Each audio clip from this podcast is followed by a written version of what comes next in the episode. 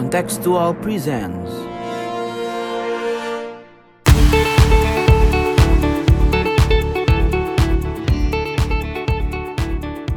Selamat datang kembali di podcast kasual, katanya kontekstual. Tentu saja ada gue Raffi dan ada Ikhlas juga di sini. Halo Ikhlas. Halo, halo Raf, kembali lagi. Kabar baik?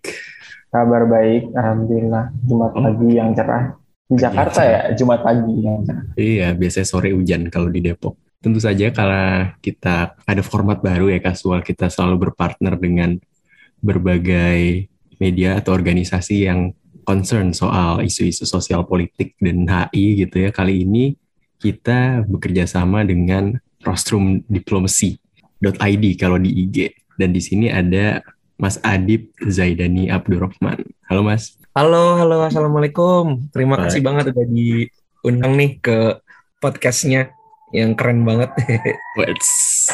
Nah, thank you banget juga buat Mas Adib. An-aner sebenarnya ya eh, bisa ngundang Mas Adib ke ke podcast ini karena Mas Adib sekarang ada di New York mewakili Indonesia ya Mas ya. Boleh diceritain Mas sebagai apa?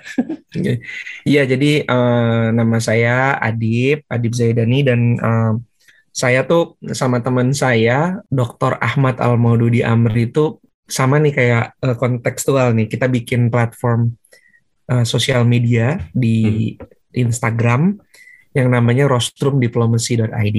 Nah, kita tuh kepingin ngepromosiin, ya bukan ngepromosiin ya, lebih ke sharing mengenai berbagai uh, sebetulnya knowledge mengenai PBB data multilateral diplomasi itu ada di mana-mana. Tapi Iya. kok kayaknya tuh kita ngelihat gapnya tuh ada susah dimengerti gitu banyak. Memang dokumen-dokumen UN apalagi yang yang yang primary document itu sulit untuk dipahami dan Indonesia kan bukan bahasa Indonesia kan bukan bahasa salah satu bahasa PBB ya. Iya, Jadi iya. memang banyak sekali eh, eh, dokumen-dokumen yang berbahasa Inggris. Nah, kita mau coba mensimplifikasi dan men-share eh, pengetahuan mengenai eh, diplomasi diplomasi multilateral dan juga kepbb dan organisasi internasional lainnya. Jadi nah ini menarik ya karena akan jadi topik pembicaraan kita juga pada episode kali ini kita akan membahas urgensi dan prospek reformasi di PBB gitu. Karena PBB ini sempat bukan sempat ya, kayak selalu menjadi bahan pembicaraan gitu setiap ada ada ada konflik apa di mana gitu selalu menjadi pembicaraan dan bu- menjadi buah bibir gitu. Jadi ada ordalnya di sini ya kita bisa tanya-tanya lah eh, soal PBB. Tapi sebelum kita masuk ke topik yang lebih dalam gitu ya, teman-teman boleh follow podcast ini, podcast kasual, katanya kontekstual. Kalau suka sama isu-isu hubungan internasional dan sosial politik gitu, dan kalian juga bisa nanya ke kita dan akan kita jawab. Dan jangan lupa juga follow sosmed kita di @kontekstualcom di Instagram dan di Twitter, sama visit website kita di kontekstual.com. Kalau dari Mas Adib mau dipromosikan, boleh? Mungkin eh, rostrumdiplomacy.id pengen ngajak teman-teman untuk belajar bareng, bukan Mhm. hanya eh, PBB secara struktural itu seperti apa, tapi juga eh, bagaimana PBB merespon eh, begitu banyak permasalahan internasional. Karena mau ada di seberang dunia mana pun pada akhirnya ini secara ideal ide secara ideal gitu ya akan Hmm. dibicarakan di PBB itu akan seru melihat bagaimana negara-negara eh, bertarung lah ya eh, battle of wits di PBB dan bagaimana menggunakan politik eh, internasional at its finest di PBB. Jadi kita pengen ngajak teman-teman juga untuk Mhm. belajar gitu.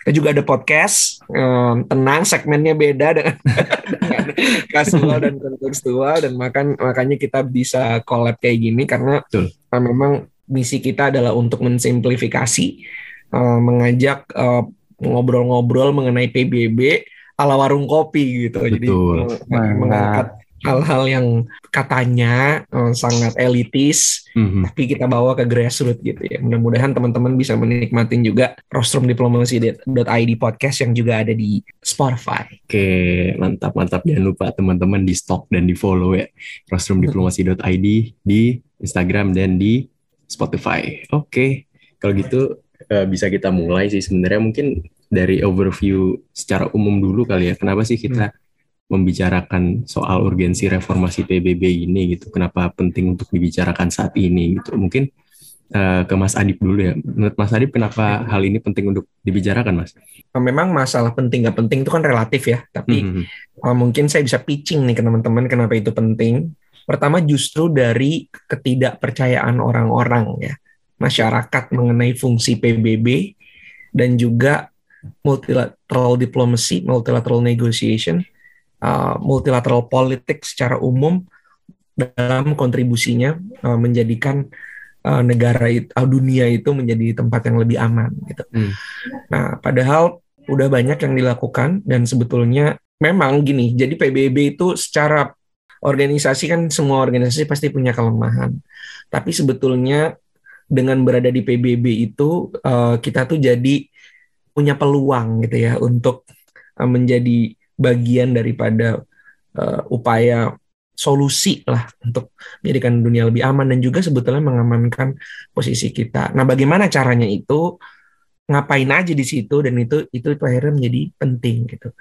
Nah, yang kedua, penting untuk tahu reformasi PBB karena untuk menjawab pertanyaan tadi yang bahwa orang tuh pada nggak percaya sama PBB padahal di dalam tubuh Mhm. PBB sendiri uh, which consists of banyak negara 193 negara menginginkan adanya reformasi. Tapi kan yang menarik adalah power struggle-nya. Jadi political will-nya di dalam PBB pasti ada karena memang banyak negara yang merasa uh, tidak uh, terwakili kah atau tidak uh, mendapatkan disadvantage. Tapi reformnya itu sendiri pada pada akhirnya upaya tersebut secara incremental sebetulnya memberikan lebih banyak ruang buat pelopor reformasi ini. Nah, dan bagaimana itu terjadi menarik untuk uh, kita apa namanya jajaki gitu untuk kita explore. Terus kedua, dengan mengerti proses reformasi PBB, sebetulnya kita mengerti proses multilateral tuh kayak gimana gitu.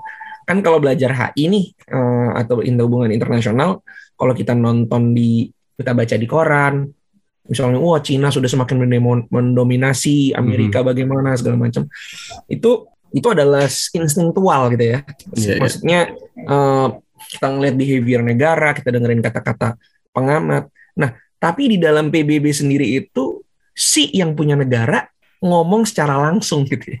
seharusnya itu bisa Hmm. menjadi sumber tangan pertama kalau kita bisa melihat bagaimana proses reformnya dan bagaimana mereka memanfaatkan komponen-komponen dan struktur infrastruktur birokrasi di PBB sangat menarik banget karena kita juga bisa belajar banyak, kita bisa tiru, kita bisa uh, data mining dari situ mendapatkan Iya, iya. informasi yang banyak mengenai PBB buat conviction kita sendiri ketika kita mempredik uh, behavior suatu negara. Jadi PBB itu sebenarnya bisa jadi lead indicator yang bagus. Apa yang terjadi di PBB multilateral itu bisa menjadi lead indicator yang bagus untuk kita sebagai praktisi HI atau foreign policy professional untuk bisa menebak, bisa mengeksplor, memahami uh, behavior suatu negara. Menarik, menarik, menarik. Karena nggak jarang juga ya PBB menjadi buah bibir tadi yang kayak seperti saya bilang ketika ada berbagai isu di dunia gitu. Nah, tapi kalau menurut lu kelas, kenapa pada akhirnya diskursus ini perlu untuk naik? Apalagi dalam ini ya, dalam konteks sekarang nih ada gejolak di Eropa Timur sana gitu. Dan apa akhirnya diskursus ini penting gitu kelas menurut lu? Oke, jadi kalau dari gue pribadi, kenapa uh, dis- diskursus reformasi PBB ini secara khusus gitu ya penting untuk kita angkat, terutama di antara negara-negara berkembang itu karena ya latar belakang historis pembentukan PBB itu sendiri gitu kan. PBB sejak dibentuk pada Oktober 1945 itu ya tidak uh, mengalami perubahan yang signifikan itu, terutama secara struktural keseluruhan uh, sebagai organisasi ya intergovernmental gitu sedunia. Tentu tidak kita nafikan sudah ada perubahan-perubahan tertentu, tapi ya kalau kita lihat tantangan zaman gitu ya, mulai dari mulai uh, distribusi power dari pasca Perang Dunia II, terus kemudian tantangan dari masalah-masalah terkini, tampaknya PBB masih agak ill-equipped gitu untuk kemudian dapat uh, mengadres berbagai permasalahan di masa kini dan juga memuaskan ya berbagai negara gitu, terutama negara-negara berkembang yang pada saat ini mungkin dibilang ya masih ditreat sebagai negara yang lebih kecil lah gitu kan, bukan yang sangat signifikan di PBB. Oke oke oke. Nah mungkin kita bisa uh, bergerak lebih jauh gitu ya di uh, diskusi kali ini. Mungkin ke Mas Adip dulu ya. Kita ke yang dasar-dasar dulu Mas UN 101 gitu. Sebagai orang yang ber, udah bergerak di dalam PBB itu sendiri melihat PBB itu sebenarnya tupoksi utamanya tuh apa aja dan jangkauannya itu sebenarnya ke mana aja sih? Jadi memang PBB atau namanya aja United Nations kan itu bergerak mandatnya berdasarkan dua hal. Yang pertama itu adalah charter, ya kan. Jadi charternya ini adalah menjadi sumber daripada sumber hukum internasional sebagai operasional PBB dan jangkauannya sebetulnya adalah memang um, intinya itu ingin membuat bahwa the world the world to be a more stable and peaceful and better place to live gitu sebetulnya kan. Nah, ini kan definisinya banyak banget. Apakah dia itu peaceful, tidak ada perang kan ataukah dia memiliki sistem yang dapat mengatasi adanya dampak buruk dari perang. Yang lain hal juga aspek ekonominya bagaimana akhirnya negara-negara sepakat memiliki suatu overarching system yang dapat membuat negara orang-orang negara di seluruh dunia itu nggak ada yang ditinggalkan.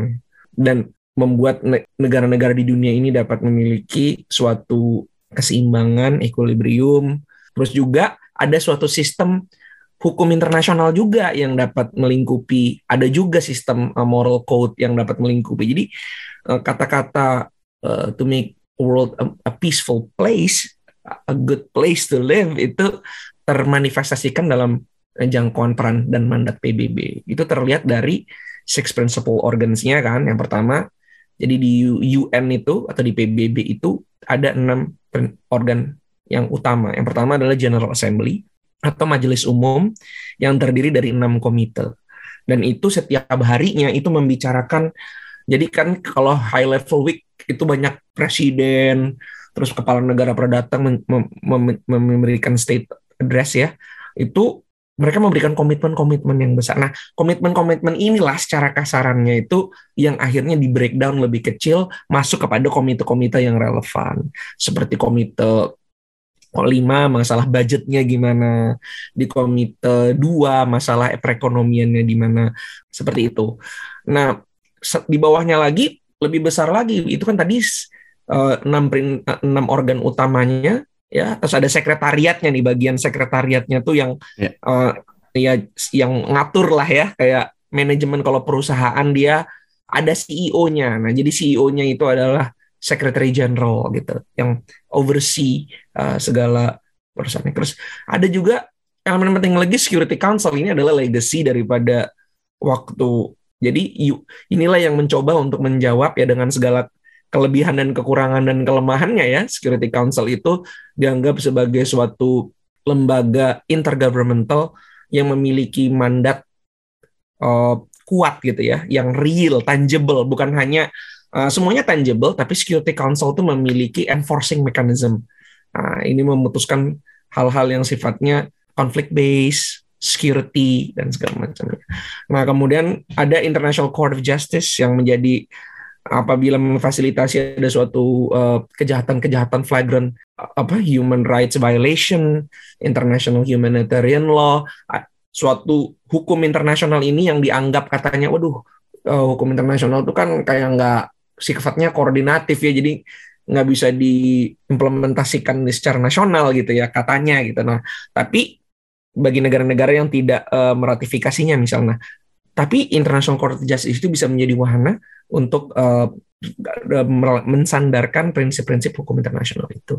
Terus ada Trusteeship Council mengenai negara-negara yang uh, masih membutuhkan penentuan gitu ya bahwa ini negara ini uh, mungkin bekas balkanisasi atau bekas uh, ada jajak pendapat dan segala macam ini di oversee oleh UN untuk sampai pada akhirnya negara ini dapat berdiri sendiri dan uh, dapat memiliki menentukan nasibnya sendiri. Jadi enam principal organs itu ke bawah lagi ada lagi yang lebih teknis lagi misalnya hasil mandat dari General Assembly tiba-tiba waduh ini kita harus lebih teknis lagi nih ke bawah bikinlah mereka organisasi namanya UNDP terus bikinlah organisasi namanya UNICEF yang itu lebih fun lagi tapi itu dipisahkan dari six principal organs daripada UN karena mereka uh, overarching ke langsung ke field gitu ya. Dan itu mereka memiliki sistem pendanaan yang sendiri berbeda. Dan dan akhirnya mulai berkembang nih sekarang ini. Ada IOM yang tadinya masuk CTBTO, IAEA, OP, OPCW untuk chemical weapons. Semakin tematik semakin tematik. Dan itu semuanya masuk ingin merapat kepada UN menjadi suatu organisasi internasional. Nah ini di bahkan kepada sistem kepegawaiannya UN sendiri ada di bawah namanya ICSC gitu. Jadi semua yang misalnya kayak yang di kerja di UN, kerja di World Bank, kerja di WTO, kerja di OPCW, ya tuh semua sistem kepegawaiannya aja sama. Saking UN itu benar-benar ingin menciptakan ideal standard untuk uh, dan koherensi daripada organisasi-organisasi yang ada di bawahnya. Saking takutnya bahwa UN itu nggak berjalan gitu.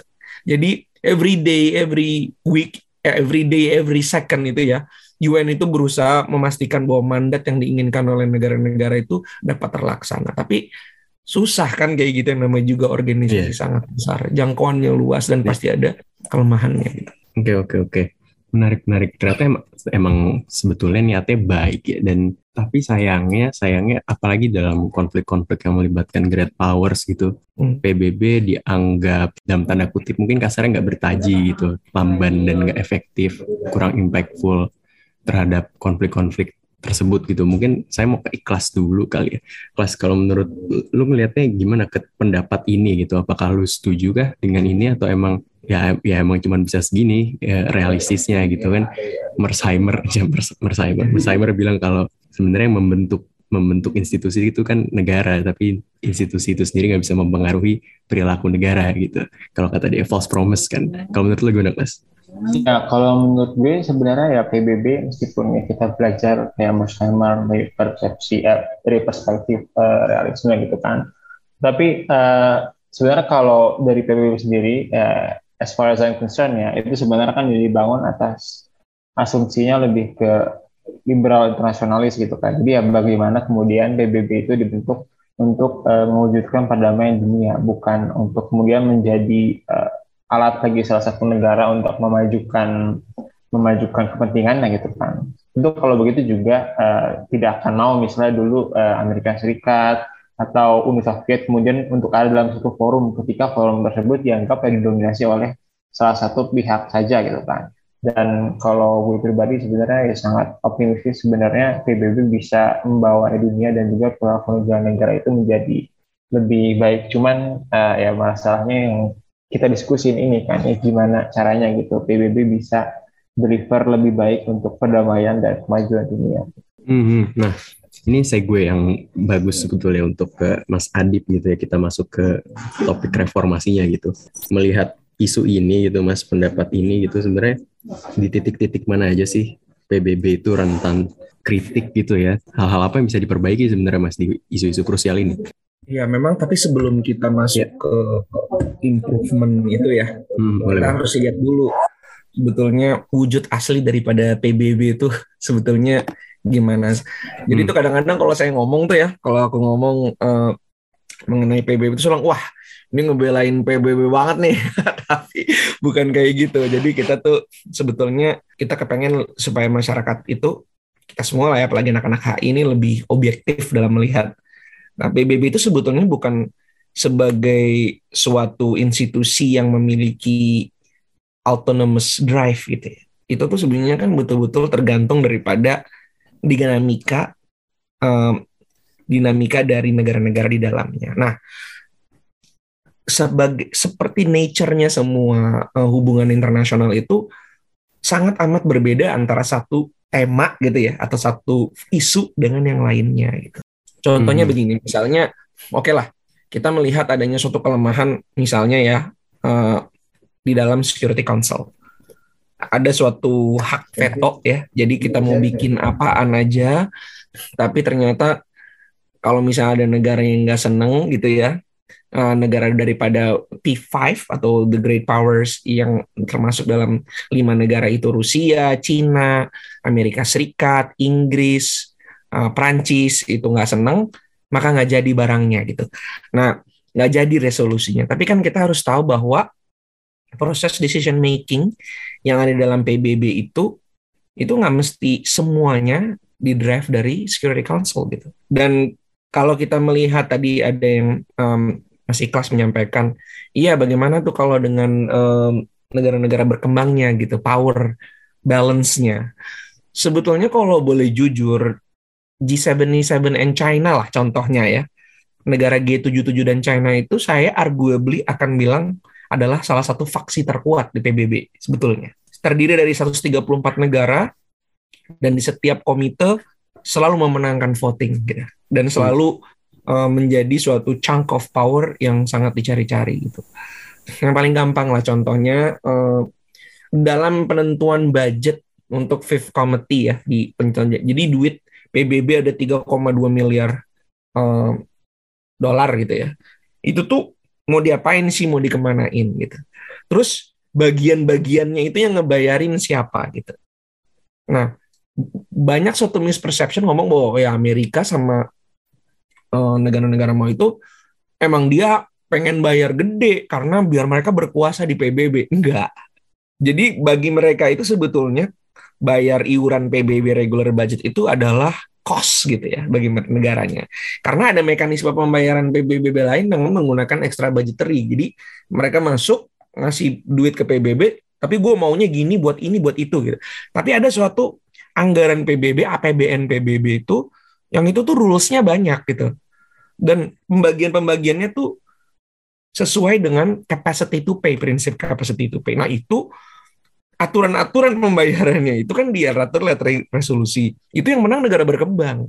Makanya hampir seluruh hanya small portion of pembayaran negara-negara berkembang itu lebih sedikit daripada yang di G77 untuk PKO juga kayak gitu. Kita bayar lebih sedikit tapi kita menikmati uh, apa namanya?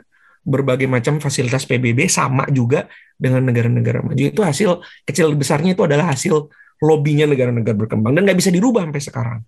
Contohnya lagi uh, untuk setiap resolusi yang misalnya mengenai uh, di GA ya, di GA ya mengenai Palestina gitu.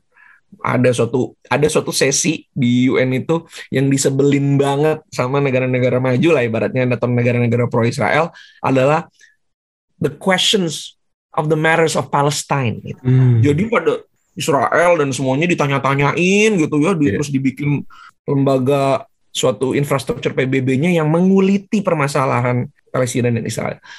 Apa ada hasilnya? Ada. Hasilnya adalah apa pun ketidakadilan yang ada di luar PBB ya mengenai Israel dan Palestina. Tapi di dalam PBB itu tetap yang salah itu Israel menurut hukum internasional gitu. Hmm. That's given. Jadi secara konteks hukum internasional. Mereka salah itu juga karena apa? Ya karena itu tadi ada lembaga-lembaga yang uh, mencocokkan dengan hukum internasional ada suatu lembaga-lembaga yang yang sifatnya imparsial dalam PBB yang dan itu hasil daripada dari mana resolusi yang disepakati oleh uh, terus kedua pembentukan namanya UNRWA UNRWA itu bertahun-tahun banyak negara ingin menyingkirkan. Itu adalah lembaga UN yang khusus ngurusin Palestina dan pengungsi Palestina pembiayaannya juga dari PBB. Nah itu uh, susah banget negara-negara mau menyingkirkan. Tapi karena kita di 77 and China 134 negara, itu mereka nggak bisa berbuat apa-apa. Gitu. Jadi there are there are certain degrees of winning dari negara-negara berkembang itu yang sebetulnya karena mereka banyak dan mereka consolidated dibanding dengan kita bilangnya dari G77 selain G77 and China itulah negara partner artinya like minded group seperti Amerika, seperti Jepang, nah, Uni Eropa dan segala macamnya. Nah, dalam hal ini ada satu sebetulnya certain degree of winning yang dia yang decision making yang di mana G77 and China itu atau kalau ada satu lagi grouping namanya NAM non aligned movement itu yang sebetulnya memegang peranan yang sangat besar dalam mengarahkan decision making di PBB, pendanaan di PBB gitu. Nah, itu hal yang kadang-kadang orang suka tidak sadari karena melihat secara garis besarnya oh ya hak veto ini, tapi banyak sekali decision yang diambil oleh PBB orang untuk eh, apa namanya resolusi PKO aja dalam setiap peacekeeping operation saja meskipun dihasilkan di PBB, di Security Council mandatnya untuk melakukan untuk buat suatu PKO, tapi pembiayaannya kan dibayarinnya dihasilkannya di di General Assembly. Nah itu semuanya keputusan yang negara negara-negara berkembang gitu. Misalnya ngerekrutnya siapa, harus ngerekrut orang lokalnya gimana, tentaranya dari mana aja, misalnya gitu, biayanya berapa. Karena males banget bagi negara-negara maju itu untuk membayarin PKO, tapi kita bisa uh, dorong agar hal-hal uh, yang bermanfaat untuk negara berkembang itu harus dibayar oleh negara-negara maju. Salah satu contohnya. Nah, dari mana bisa di reform ya? Reform tuh nah, udah berjalan dari sisi manajemennya pertama. Ada reform sebelum kita masuk ke agenda Security Council reform itu ber bertahun-tahun terus ada dan memang sangat alot. Tapi bukannya tidak berkembang. Jadi beberapa saat ini udah mulai berkembang ini berdasarkan pembicaraan uh, yang secara intensif itu ada kemungkinan seperti India mau masuk ke Permanent Security Council. Gitu. Terus ada lagi karena dari populasinya, dari apa. Jadi banyak sekali calon-calon yang dimasukkan. Apakah ini saat saat ini tembus belum? Tapi kan sekali lagi dengan dunia ini berubah ya kan dan kemudian uh, kalau dulu mungkin G77 China nggak sekuat sekarang tapi sekarang bisa kuat dan bisa punya faksi yang kuat ya bukan nggak bukannya nggak mungkin ya dengan keadaan sekarang ini bahwa Security Council pada akhirnya uh, bisa berubah gitu lah tapi itu kan itu adalah permainan politik internasionalnya kan kita masuk dari regulasi yang mana kita masuk dari uh, eh, ROP yang mana kita rubah dari infrastruktur PBB mana yang akhirnya memungkinkan. Dulu sekarang ini misalnya contoh, wah kita nggak bisa tembus di Security Council kita nggak bisa tembus nih resolusi misalnya. Tapi selalu ada cara-cara lain, misalnya, oh ternyata ada resolusi yang dia bisa dihasilkan oleh Security Council yang nggak bisa diveto, gitu. Apa misalnya re resolusi prosedural, namanya terserah, misalnya bla bla bla bla bla, misalnya Ukraina Rusia gitu ya. Tapi prosedural jadi nggak bisa di vote gitu. Nggak bisa di veto gitu.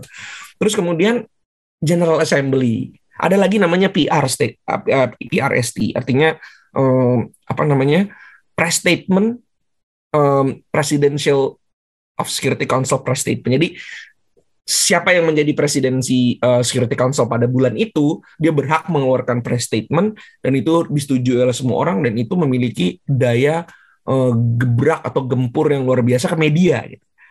Ibaratnya what's the point of having a resolution in the UN kalau di media itu ibaratnya secara internasional itu um, tidak menemukan posisi PBB yang solid, tapi dengan PRST bisa solid. Nah, jadi ada banyak-banyak cara sebetulnya di dalam United Nations itu yang bisa diambil dan sebetulnya nggak melulu uh, suatu sistem yang apa namanya rusak gitu ya, karena berkembang itu karena susah dibenerin di sistem veto ya kita cari jalan lain jadi reform di Security Council itu sekarang masih berjalan.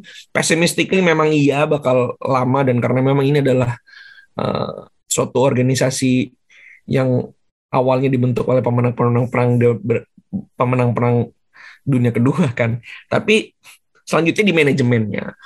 Contohnya nih ya misalnya di dalam tubuh UN tadinya mungkin gitu ya ada beberapa statistically speaking hanya dari negara-negara maju nih yang keterima kerja di PBB. Nah, sekarang kita bikin namanya geographical representation, equitable geographical representation. Suatu prinsip yang nggak akan mau negara-negara maju. Aduh, gara-gara ada ini, kita harus membuat quote unquote affirmative action buat negara-negara berkembang nih kuota nih. Ya. Tapi itu kita masukin dan tembus jadi resolusi. Dan itu sekarang menjadi bagian daripada ketentuan manajemen PBB untuk human resources yang kita lagi negosiasikan sekarang gitu. Jadi uh, my point is uh, PBB itu adalah suatu lembaga yang terserah mau dibuat apa oleh 193 negaranya. Asalkan dia dalam koridor hukum internasional. Jadi kita belum kalah gitu ibaratnya dengan negara maju ya. Masih banyak yang bisa kita perbuat gitu. Tapi let me ask you this kepada teman-teman juga. Andai kata PBB itu nggak ada sebagai tempat untuk uh, membincangkan rules based mechanism untuk men, ibaratnya masalah let's say yang lagi sekarang Ukraina Rusia misalnya gitu kalau nggak ada PBB gitu apakah ada forum yang menjustify forum yang bisa memberikan misalnya Ukraina ya untuk memetakan fakta yang terjadi saat ini? Saya begini saya begitu di suatu forum.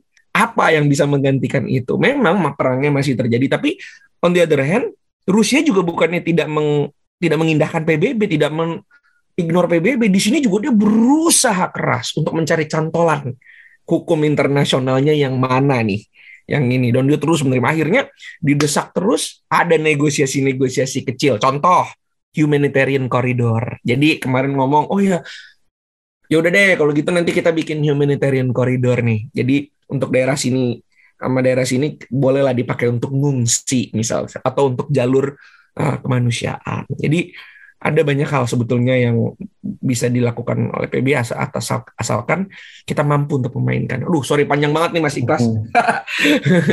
ya ya ya.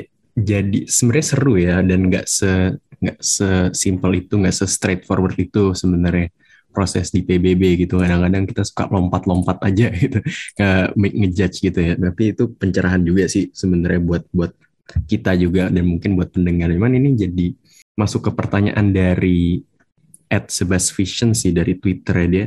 Tadi sempat dibahas juga perihal hak veto yang sebenarnya ada banyak juga uh, macam-macam resolusi yang bisa ada yang bisa diveto ada yang bisa nggak bisa diveto gitu-gitu. Nah apakah sebetulnya hak veto itu masih diperlukan? Apalagi yang megang kan mereka mereka juga gitu. Mau ke ikhlas dulu deh mungkin. Apakah sebenarnya hak veto itu masih diperlukan masih diperlukan kas soalnya di di komen IG ada yang bilang udahlah hapus hak veto aja gitu Mana menurut Ya, ya jadi kan kalau tadi dari Mas Hadi udah dijelaskan gitu ya. Dan mungkin uh, sebenarnya kalau desain kalau pertama apakah hak veto dilanggar atau enggak nih gue sebagai pribadi ya. Kayaknya hmm. sih ada ada plus dan minusnya gitu kali ya. Plusnya mungkin ini dari ada perwujudan dari yang Mersheimer bilang gitu atau ya udah hmm. kayak ya jadi yang great powers gitu kan. Tapi bisa bisa kemudian ya ada ada uh, suara lebih terutama dalam security matters gitu kan yang emang yeah. jadi uh, perihal paling penting salah satunya dari pembuatan PBB itu sendiri. Cuman kalaupun dengan argumen itu kayaknya ya kita yang bisa kita mesti ingat kalau uh, our balance di dunia ini udah berubah gitu kan. Kayak yang dibilang juga tadi ya sekarang misalnya kalau di PBB secara keseluruhan udah ada uh, blok negara berkembang yang besar gitu kan G77 tadi dan secara individual negara-negara balance power juga ya udah berubah gitu kan. Ya misalnya udah ada China yang dia udah masuk ke uh, anggota tetap di KPBB gitu kan. Tapi ada negara-negara lain juga gimana dengan India gitu kan gimana dengan Indonesia atau bahkan uh, negara-negara yang justru banyak di benuanya yang banyak konflik gitu lah kita bilang kayak di Afrika begitu kan. Jadinya uh, seringnya ya masalah-masalah yang tempat paling banyak berkonflik itu ya ditentukannya oleh negara-negara yang tidak berkonflik juga gitu. Kalau uh, kita lihat di susunan dari anggota tetapnya ya, kemudian memiliki hak veto karena esensi dari anggota tetap ya kayak gitu kan. Mungkin bisa uh, kalau menurut saya pribadi ya dihapuskan gitu ya. Ini posisi uh, analisis sederhana sebenarnya. Tapi uh, masalahnya adalah kemudian desain institusionalnya kira-kira gimana yang bagusnya dari uh, DKPBB gitu kan. Jadi itu menjadi satu hal yang belum resolve eh, dan itu uh, kapasitas gue sebagai satu orang mahasiswa HI tidak cukup untuk menjawab itu. Tapi ya so far kayak gitu sih. Kalau Mas Adib gimana Mas? Apakah hak veto ini juga menjadi sesuatu yang dibicarakan gitu tentang reformasi DKPBB kalau pendapat Mas Adib gimana? Ya tentunya itu pasti menjadi salah satu stream of uh, argument ya di dalam ya, benar. Uh, di reformasi DK gitu kenapa kok ini bukannya suatu tempat yang harusnya equal from one to another gitu ya. Jadi mm-hmm. nggak seharusnya nggak ada negara yang memiliki keistimewaan gitu. Seharusnya semua sama. Cuman kan pendapat saya bukan berarti veto itu harus uh, dihilangkan atau veto itu harus terus ada. Kalau menurut saya nggak punya pendapat pribadi ya karena sebetulnya kalau saya pribadi saya setuju sama Mas Ikhlas gitu. Jadi kayak ngapain sih? Ya udahlah toh ini sama aja kayak GA gitu ibaratnya. Cuman dia memiliki hmm. enforcing mechanism untuk yang yang yang, yang sifatnya berat-berat gitu. Kalau saya pribadi berpendapat gitu. Tapi kita harus tahu juga logiknya kan? Veto itu sebetulnya untuk apa? Ya, ya. logiknya adalah gini. Negara-negara yang ada di dalam P5 itu adalah negara-negara yang memiliki military prowess kekuatan militer besar gitu itu adalah salah satu insentif mereka untuk tetap ada di PBB gitu. Mengetahui bahwa oh ya, gue masih punya certain power to wield gitu. Memang nggak ideal, tapi itu adalah salah satu appeal mereka. Bisa aja mereka abandon UN completely, nggak mau ngomong, nggak mau dialog, nggak mau apa-apa, langsung hantam gitu, seperti sebelum adanya PBB. Ini memang suatu argumen yang mungkin nggak bisa diterima, cuman eh, kenyataannya appeal-nya itu masih ada di situ. Terus kedua adalah veto itu kan bukan hak untuk memaksakan suatu agenda, ya kan? Jadi dengan veto itu tidak berarti orang tuh semaunya, semaunya dalam arti dominasi enggak kayak gitu. Tapi veto justru adalah untuk menggagalkan kalau ada yang kayak gitu. Misalnya kan ya, dari 5 plus 11, da plus uh, semua total anggota tidak tetap-tetap PBB misalnya melakukan voting. Akan sangat mudah nih bagi suatu misalnya negara kayak Amerika gitu kan cuman sebel cuman 11 gitu. Tiba-tiba datang dan terus melakukan pressure terhadap negara-negara yang non permanent member gitu. Kayak saham misalnya atau ujuk-ujuk uh, ya udah kita udah mutusin kalau misalnya diputusin harus begini gitu karena cuma sedikit orangnya jadi bisa aja tiba-tiba mereka mempressure negara-negara ini. Nah negara-negara yang negara protektornya kuat unquote yang kuat itu merasa, oh, wah lu nih main curang nih misalnya gitu ya, veto. Gitu. Jadi menggagalkan buk, veto itu bukan power to make it happen, to enforce a certain something, tapi lebih kepada power to avoid adanya suatu uh, tindakan yang melampaui batas dan dilakukan dengan tidak fair gitu. Nah itu logik logiknya orang-orang yang pro veto. Mengenai pendapat pribadi ya kepengennya sih equal ya kepengennya misalnya Indonesia equal sama Amerika lah dalam hak pilih segala macam. Tapi kemungkinan nah, apa yang membuat UN ini masih uh, diminati oleh negara-negara maju dan military powerful, economically powerful.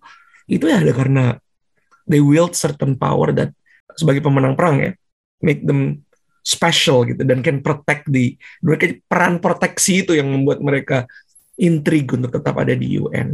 Tapi ya itu tadi veto itu bukan power to make it happen, tapi veto to stop.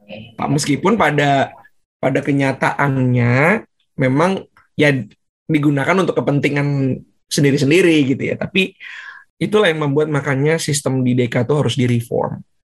Tapi mengenai veto itu masih diperlukan apa enggak, ya itu ternyata ada some people yang merasa bahwa uh, ternyata yang merekatkan UN dan membuat UN ini masih appealing untuk negara-negara maju ini ya veto ini gitu. Kalau misalnya UN tidak diikuti oleh negara-negara maju, apa yang membuat UN menjadi suatu organisasi internasional yang overarching gitu misalnya. Hmm, ya, menarik, menarik, menarik. Tapi mungkin selain juga veto gitu ya, yang dipegang sama negara-negara pemenang perang, bagaimana dengan keanggotaannya gitu, Mas? Kan ya perang udah berakhir semenjak tahun 45 gitu, tapi uh, anggota tetapnya ya mereka mungkin plus China gitu. Itu apa ya? Apakah ini pertanyaan lanjutannya Sebastian Vision juga gitu? Apakah keanggotaannya di KPBB itu perlu ada perubahan gitu, Mas? Justru itu sekarang kita negara-negara itu sedang merumuskan hmm. mengatur ulang keanggotaan itu sebetulnya. Kayak tadi India kan? India yeah, adalah yeah, salah satu yang dianggap layak karena dia secara populasi secara memang sulit ya. Karena ini hmm. sekali lagi ini adalah power struggle. Apakah India memiliki pengaruh sebesar Amerika Serikat dan dan peers di yeah. the, the, the current um, members of P5 P5 kan? Nah itu itu adalah uh, apa namanya dinamika yang akan akan akan menjawabnya gitu. Kalau lu kelas apa ya? Kalau lu ngeliatnya will it happen gitu? Maybe in a long term gitu mungkin? Uh, mungkin sih menurut ya meskipun uh, ya saya nggak tahu dinamika di PBB secara langsung gimana ya, tapi ya kita lihat aja dari gambarannya di mana negara maju, eh negara berkembang dan power balance juga semakin berubah. Ya, jadi basis dari pembuatan keanggotaan seperti itu yang menjadi semakin tidak legitimate gitu loh. Jadi ya expect uh, some changes tapi uh, I personally don't know when. Oke okay, oke okay, oke okay. mungkin kita bisa bergeser sedikit gitu ya dari dari deka gitu. Ini sebenarnya cukup penting apalagi dengan kita sebagai orang Indonesia gitu ya. Sempat ngobrolin ini juga sebenarnya sebagian besar fungsionaris PBB itu kan masih didominasi barat ya. Kantor-kantornya pun juga di barat dan kalau kita sebagai orang Indonesia gitu, Mas Mas Mas Adip, itu kita ngelihat permasalahan ini gimana ya? Maksudnya apakah ada kita mendorong juga untuk representasi yang lebih gitu di di, di PBB Mas? Iya pastinya pastinya ya akan sangat luar biasa akan sangat lebih mudah bagi Indonesia untuk memiliki peran di PBB itu kalau banyak orang Indonesia yang kerja di situ. Hmm. Karena memang kan sekretariat itu adalah pilar anggota organik PBB salah satu enam organ utama PBB ya. Dan kadang-kadang tuh kita fokus ke the role of member states gitu ya. Itu negara-negaranya gimana. Tapi sebetulnya peran sekretariatnya itu juga beda juga juga sangat penting gitu loh. Karena gini um, sekretariat adalah yang menjalankan mandat ini gitu ya. Kita mau ngomong apa oh, kita mau mutusin apa aja mereka yang ngejalaninnya nih pegawai-pegawainya gitu dan yang paling gampang lah contoh misalnya karena kita sedikit mungkin sulit bagi uh, kita untuk mendekati orang-orang decision maker yang ada di dalam eksekutifnya PBB gitu. Tapi orang-orang yang memiliki banyak pegawai di PBB mungkin cepat nih dapat kontaknya untuk bertemu dengan um, untuk melakukan lobby-lobby tingkat tinggi dengan pemimpin-pemimpin PBB. Apalagi kalau misalnya orang-orang kita yang orang-orang Indonesia-nya yang menjadi pemimpin-pemimpin PBB-nya gitu sebagai USG, Under Secretary General, hmm. Secretary General atau menjadi Assistant Secretary General, Director, uh, CEO gitu. Itu itu akan sangat amat menguntungkan bagi negara yang diwakilinya. Memang menurut fakta ICSC atau uh, ada suatu pact gitu ya bahwa orang yang udah jadi international civil servant itu harus netral hmm. sebetulnya. Tapi pada kenyataannya kan enggak.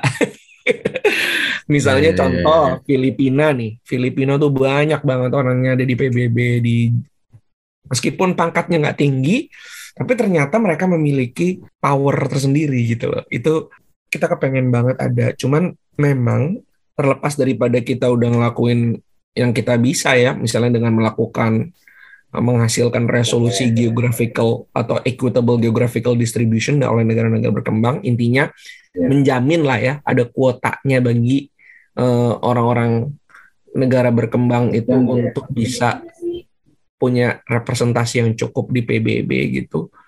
Tapi tetap sulit gitu ya karena satu orang Indonesia sendiri kayaknya appetite-nya untuk pergi ke PBB nggak banyak. Contohnya yang gampang orang lulus SD ditanya anak-anak SD maunya jadi apa? Dokter gitu kan. Nggak ada yang kepengen atau polisi astronot gitu. Tapi nggak ada yang pernah berpikir mau jadi diplomat atau jadi orang yang bekerja. Yang yang memang sudah meng, jangankan gitu anak-anak HI aja ketika mau ditanya habis dari sini mau ke PBB mau ngapain? Bingung nyari informasinya di mana masih jadi sebetulnya ada information gap ya yang luar biasa banget gitu ya mengenai sementara kalau kita pergi ke uh, Filipina tuh dari kampus-kampusnya di Jepang ada kampus-kampusnya itu udah ada prep school prep grupnya untuk mau Waduh. masuk ke UN Waduh, gitu. Seru juga. Seru juga. Ya. Uh, iya, jadi ada uh, prep group prep. Jadi semua universitas itu memang yang banyak missing tuh kadang-kadang nggak ada tuh center of excellence-nya atau grup-grupnya yang mempersiapkan diri untuk misalnya untuk ke uh, uh, profesi yang diinginkan. Misalnya untuk ke PBB nih uh, gimana caranya masuk YPP atau youth uh, youth professional program atau masuk melalui apa untuk masuk ke pegawai yang di tengah-tengahnya strateginya lewat mana itu nggak pernah di bicarakan secara mendalam gitu. Dan nggak ada drill soalnya gitu kan. Gimana cara ngisi inspiranya gitu. Itu itu tuh nggak nggak ada yang pernah bikin kayak gitu gitu. Padahal di negara lain gitu banget. Kayak di Jepang itu misalnya jangankan masuk UN masuk ke Kemlu aja mereka punya uh, grup kerja kelompoknya gitu. Grupnya. Jadi anak-anak HI sebelum melulus mereka udah punya namanya Kasumikai, artinya the army of a nation gitu. Jadi dia bilang ngedrill soal dan segala macam. Jadi ketika mau ujian dia udah siap gitu. Jadi ada jukunya untuk bisa masuk ke dalam uh, kantor pemerintahan. Nah di Indonesia masih jarang kan gitu. Hmm, iya iya. Kayaknya nggak ada deh. Cuman tapi sebelum ke lanjut ke situ saya mau ngegali lebih lanjut sih cuman saya jadi penasaran sesedikit apa sih mas ya, ya. orang Indonesia di sana mas jadi kalau kita ngelihat nih kita ngambil ngebulung ke UNDP belum ke UNICEF yang hmm. yang funds and program ya sekretariat aja itu ada 35 ribu posisi di hmm. sekretariat itu dan itu kita tuh cuman punya 92 orang Indonesia oh, berapa persen itu? Banget. 270 juta loh. Jadi ya, Ya, eh, sama sih menurut eh, gue juga. Kayak tadi kalau terkait PBB gitu ya, yang masih salah satu aspeknya kenapa negara berkembang khususnya Indonesia itu masih ya kurang direpresentasikan di PBB ya, kayak dari orang-orangnya sendiri gitu di dalam eh, kesekjenannya dan juga semua related bodies PBB gitu kan ada banyak di mana-mana. Eh, dan ya sejauh yang gue tahu juga kayaknya belum ada kayak orang Indonesia yang sampai jadi ketua dari uh, any any PBB related entities ya tahu ya kayak yang WTO uh, World apa World Food Program dan semuanya. Apalagi sekjen PBB juga belum ada gitu kan. Nah Iya. ada sih Eh, satu mas ini. Dari oh, siapa tuh? doang tapi di ini eh SCAP UN SCAP oh UNSCAP itu buat badan apanya? USG dia tertingginya eh, nomor Oh. satu di UN SCAP-nya oke. Namanya Bu Armida mantan Menteri PPN tuh. Waduh mantap mantap. Ternyata ada satu ya Satu. emang ada banyak sih PBB ya. Tapi itu kekurangannya kemudian masih mesti ditambal gitu ya oleh negara maju dan juga tadi kalau misalnya ada usaha-usaha untuk bisa lebih terbuka termasuk affirmative action gitu kan untuk eh, ya orang-orang dari negara berkembang dan ya sebenarnya adalah kendala tersendiri sih gitu ketika ya PBB terutama ya berkantornya kita lihat di Amerika kan di New York, terus di eh, Geneva, paling-paling paling jauh juga ada ya di Afrika gitu kan satu lagi. Tapi kita lihat di benua terbesar kayak di Asia justru juga belum ada gitu kan. Eh, kita udah cukup panjang ya, cuman mungkin mau saya tutup dulu dengan melihat dari sisi Indonesia gitu. So far, Mas Mas Adip, gimana sih posi apa ya kinerja Indonesia di PBB sejauh ini? Apakah sudah bisa kita anggap sebagai efektif atau efisien gitu? kalau saya pribadi menganggap bahwa we've done what we can gitu karena toh ya sebetulnya dalam dalam ya multilateral itu kan bukan sesuatu yang bisa kita kadang-kadang meskipun itu relate dengan everybody life everyday life cuman kayak seolah-olah sulit untuk mencari benang merahnya gitu dan itu juga Hmm. sebetulnya dalam uh, ran- runtutan public policy Indonesia tuh orang-orang masih belum sering belum bisa melihat gitu ya pentingnya multilateral diplomasi dan UN. Hmm. Nah jadi memang attentionnya kurang ba- kurang banyak sehingga banyak orang merasa kurang tidak berkepentingan terhadap PBB.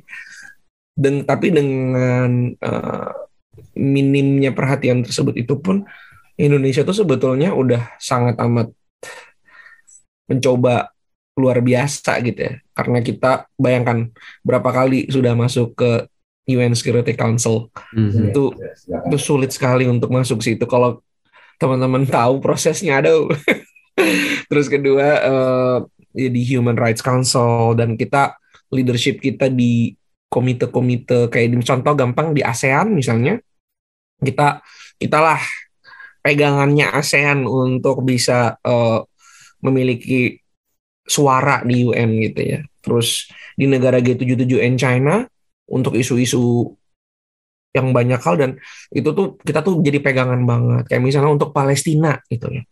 Isu Palestina tuh Indonesia leadershipnya luar biasa banget. Kelihatan banget kayak UN tuh mungkin kurang ya bisa memberikan kontribusi. Padahal gede banget dan kita tuh yang ngarahin ke mana-mana. Kita garner position di OIC terus kemudian kita uh, memastikan bahwa pendanaan untuk UNRWA itu ada untuk Palestina dan segala macam. Jadi yang align dengan posisi kita secara internasional tuh kita ini banget udah maksimal banget. Itu terbukti dari apa? Dari bagaimana input kita terhadap resolusi itu selalu diakomodir gitu. Ya misalnya isu-isu di eh, Myanmar isu-isu Palestina itu semua language yang kita masukkan itu eh, banyak banget terakomodir dan itu semua language atau masukan dalam resolusi yang kita masukkan itu semuanya pro kemanusiaan, netral, bebas aktifnya kerasa banget gitu loh. Jadi orang-orang tuh respect sama kita as a genuine country yang nggak eh, nggak main cheap politics gitu ya. Dan itu menurut aku udah bagus banget untuk untuk saat ini gitu. Untuk menutupi kekurangan kita yang lain, misalnya seperti kita mungkin eh, militarily nggak sebesar negara-negara tertentu atau misalnya economically, industrially. Tapi kita tuh udah memainkan peran yang kita bisa banget dan itu meaningful banget gitu loh bagi banyak orang itu menurut saya menurut aku karena alhamdulillah kayaknya diplomat-diplomat yang ditaruh di sana juga berusaha keras banget gitu ya untuk uh, bisa uh, memainkan perannya yang sebisanya, semaksimalnya, seoptimalnya yang mereka bisa gitu. Keren, keren, keren. Berarti Indonesia sebenarnya mengingat posisi kita yang sebenarnya banyak disadvantage mungkin ya dibanding dengan negara-negara maju gitu, tetap bisa mendapat peran yang besar sebetulnya, bahkan iya. menjadi pegangannya ASEAN gitu. Ya, ya. Kalau menurut lo, Klas, apakah lo udah dari apa yang lo amati selama ini udah cukup ini? Ya, ya jadi kan beda perspektif kayak kan kalau dari Mas Adib emang praktisnya langsung, tapi ya kalau saya akan coba lebih menilai sebagai publik atau bahkan kadang-kadang kritikus juga gitu kan terhadap uh, diplomasi yang dilakukan oleh pemerintah Indonesia. Jadi uh, tentu saya nggak tahu sampai detail-detailnya, tapi percaya gitu kalau misalnya tadi leadership uh, Indonesia dalam beberapa isu kayak isu Palestina dan juga mungkin dalam isu reformasi PBB ini adalah sesuatu hal yang penting kita mempunyai ya uh, presiden historis gitu kan untuk menjadi ya pemimpin dari negara-negara dunia ketiga negara-negara berkembang gitu kan. Tapi uh, mungkin yang kemudian kalau ini ya satu hal itu mungkin kurang kelihatan gitu ya di publik sendiri. Kayak bagaimana sih kemudian Indonesia memimpin gitu. Mungkin yang lebih kelihatan tuh kalau misalnya jadi presidensi kan kayak kemarin di DKPBB sempat itu kayaknya hmm. lumayan banyak tuh sosialisasinya dan lain sebagainya. Dan juga terkait isu Palestina itu. Tapi di luar itu kurang lebih ya ke publik tuh kurang banyak tahu sebenarnya diplomat-diplomat kita ini ngapain sih gitu kan untuk kemudian di floor ke publik. Sementara itu ya ada beberapa hal ya beberapa eh, hal-hal uh, yang memancing kritik lah dari dari uh, waktu ke waktu termasuk ke dalam krisis Ukraina belakangan ini yang menurut uh, saya mungkin dalam komunikasi publiknya perlu uh, diperbaiki gitu dan juga mungkin dalam peran peran internasionalnya yang bisa lebih ditunjukkan lagi ke pemimpinan Indonesia begitu kan untuk uh, ya terutama di antara negara-negara berkembang di antara negara G77.